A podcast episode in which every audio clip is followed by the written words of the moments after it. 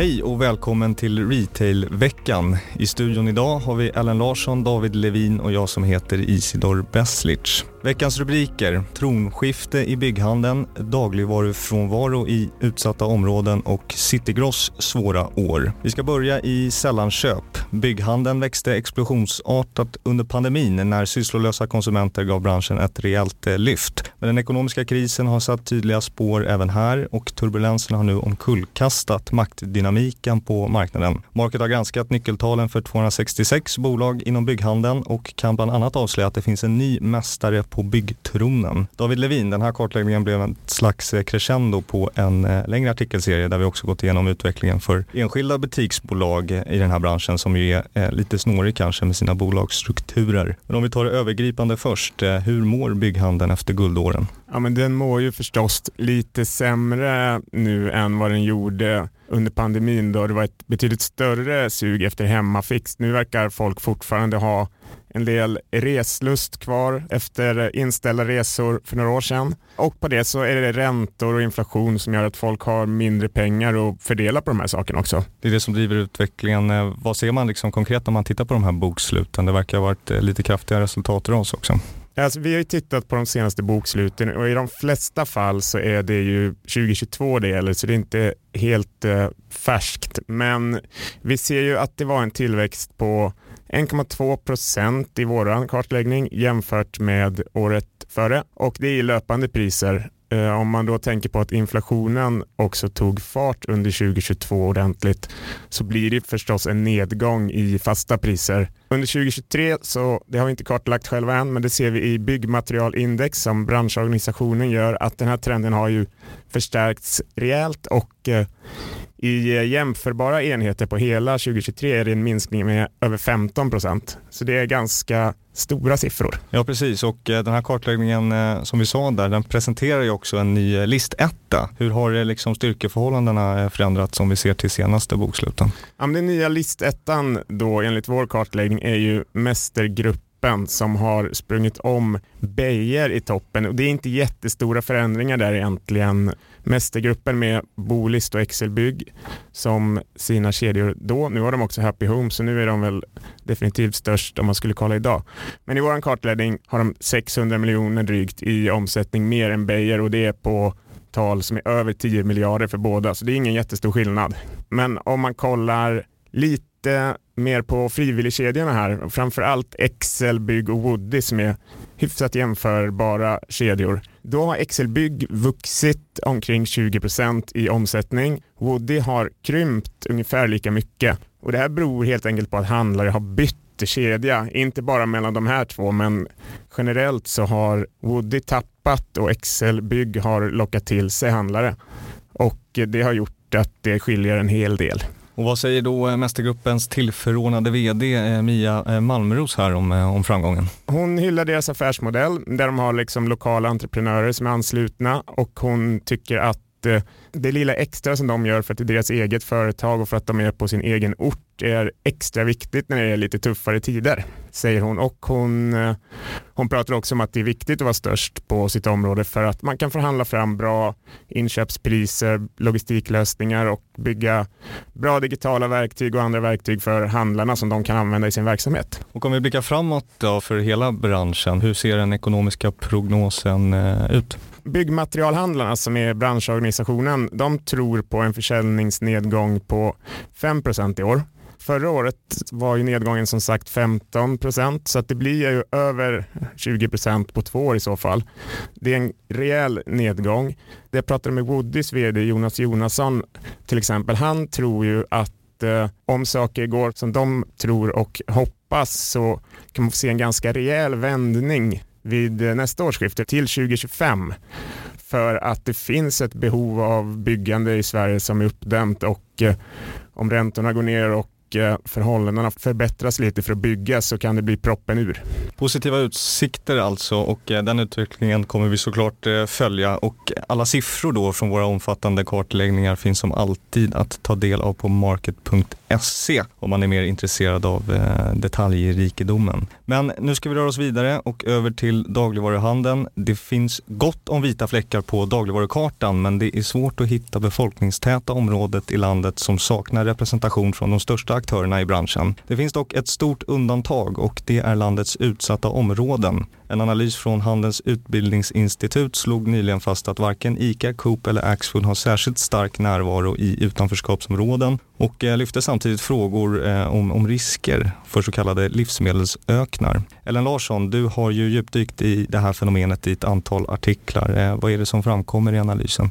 Ja, man har då kollat på Stockholm och Malmö och där uppvisar samma mönster att de stora dagligvaruaktörerna saknas i stadsdelar där en stor andel av befolkningen har utländsk bakgrund och lägre inkomst än genomsnittet. I Stockholm är det till exempel Tensta och i Malmö Augustenborg som ligger nära Rosengård. Jag frågade om de har någon uppfattning om andra städer och lika så över tid, för det vore lite intressant att se om de här aktörerna har funnits men lämnat. För det finns ju en sån kritik mot till exempel olika samhällsinstitutioner som lämnar sådana här områden. Men det har de inte kollat på. Och jag fick inte heller svar från kedjorna där riktigt om det här har förekommit, så det vet vi inte. Vilka är liksom tänkbara förklaringarna till varför det ser ut eh, så här?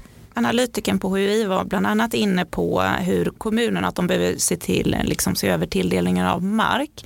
Men också menar hon att eh, de etablerade stora kedjorna dels kanske saknar rätt koncept och det delvis då kanske lågprishandel, mer renodlad sådan. Men också att eh, sortimentet kanske inte lockar de här grupperna. Att det behöver vara ett bredare sortiment från hela världen. Precis, eh, och det där lyfts ju eh, fram, eh, liksom avsaknaden kanske av attraktiva sortiment och även passande kedjeformat var man ju inne på. Har de stora kedjorna liksom svårt att konkurrera här i, i de här områdena med de erbjudanden som finns idag? Jag tror inte det handlar om att de har svårt att konkurrera. Det skulle kanske snarare bli så om de etableras att befintliga aktörer har svårt att överleva. För det, det får man inte glömma i det här att det finns ju matbutiker i de här områdena men det är fristående aktörer som eh, har ett annat sortiment och kanske andra typer av lokaler för att eh, det kanske inte alltid finns stora lokaler tillgängliga i just i de här centrumen och där är ju såklart kommunens uppdrag att se till att det finns sådana byggnader helt enkelt. Ja, och en fristående aktör som lyfts fram som ett positivt exempel det är ju Bazaar eh, Food Market i Rosengård i, i Malmö. De har vi ju pratat med också lite grann. Hur ser de på utvecklingen? Ja, det är ett väldigt spännande exempel tycker jag. De eh, startade där eh, 2020 och är fortfarande inte lönsamma men har en väldigt stark tillväxt. Jag tror det var 30 procent senast tillgängliga räkenskapsår. Han var inne på det där att den här befolkningsgruppen behöver låga priser. Då behöver man driva volym. Då kanske inte befolkningen i den egna orten räcker. Så han skulle behöva locka folk från hela Malmö. Men Malmöbor från andra stadsdelar vill inte åka dit. Det här är ju jätteintressant tycker jag för att hur ska man locka gruppen men också fler så att man kan lyckas få lönsamma butiker i de här områdena för det är såklart jätteviktigt. Och Dagligvarunytt publicerade också nyligen en, en, stor lista över landets snabbast växande butiker och eh, nästan var sjätte av dem med högst procentuell tillväxt det är butiker som eh, ja, så kallade etniska butiker då. Tror du att de stora aktörerna missar en bra affär här eller eh, hur resonerar de själva då kring eh, frånvaron som, som framkommer av den här analysen?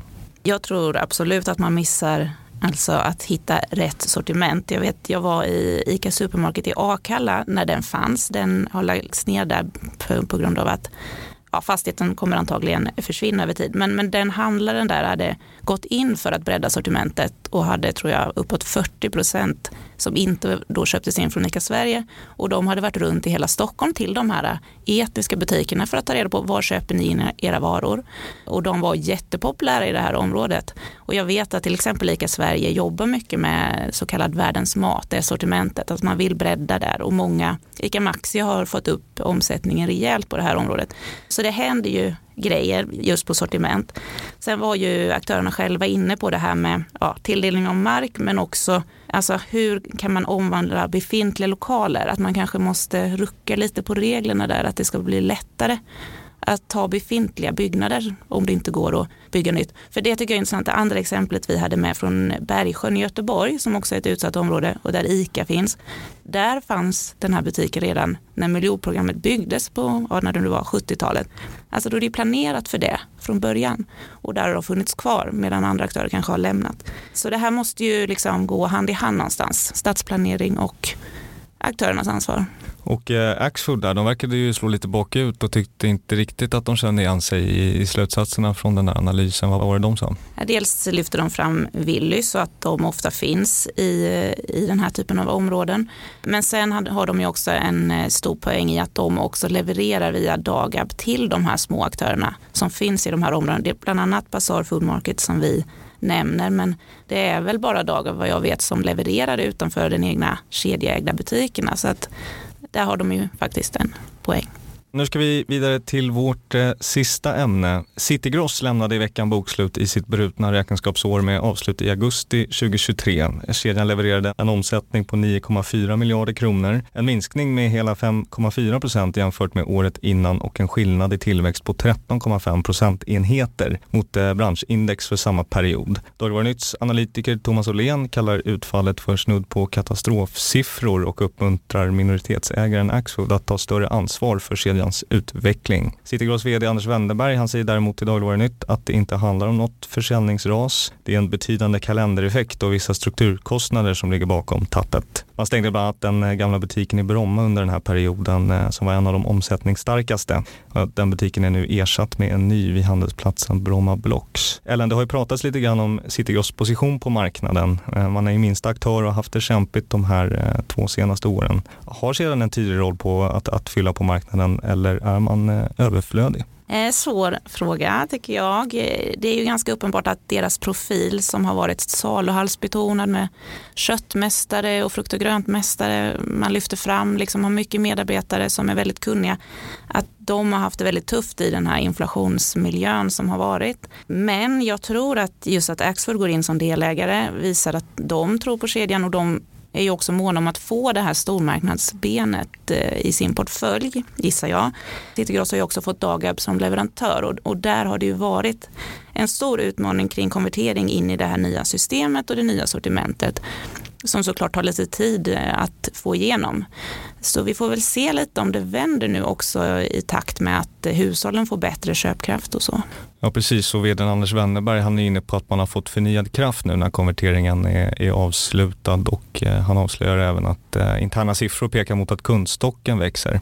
Du har ju också varit på besök där i Bromma Blocks. Eh, där har man givits in i en betydligt eh, kanske svårare konkurrenssituation än vad som var fallet i det tidigare läget. Absolut, man var ju tror jag ensam i det förra läget. Jag, jag var även i den butiken och den var ju mer renodlad stormarknadskoncept. Så har de flyttat in på Bromma Blocks där ICA Maxi finns och Stora Coop ligger i princip vägg i vägg. Och det är en mycket mindre yta så att man kan ju fråga sig om det ens är en stormarknad med en mindre yta och ett mindre sortiment. Butiken var väldigt snyggt inredd och det var väldigt mycket folk just på invigningen. Hur det har gått sen vet inte jag men det är klart att konkurrensen är mycket tuffare när man har två stora och väletablerade butiker på samma område och vi har också fått veta från eh, Coop-butiker och stormarknader att den här Coop-butiken går otroligt bra, till och med större omsättning än ICA Maxi på handelsområdet, vilket eh, vi tror är ganska ovanligt. Tuff marknadssituation alltså där i eh, Bromma Blocks. Eh, med de orden får vi lov att sätta punkt för veckans avsnitt. Eh, vi gör ett litet uppehåll i utgivningen nästa vecka men kommer tillbaka med ett färskt program den 7 mars. Du har lyssnat på Retailveckan, en podd från Market och Dagligvarunytt. Ansvarig utgivare Fredrik Svedjetun. På återhörande, hej så länge.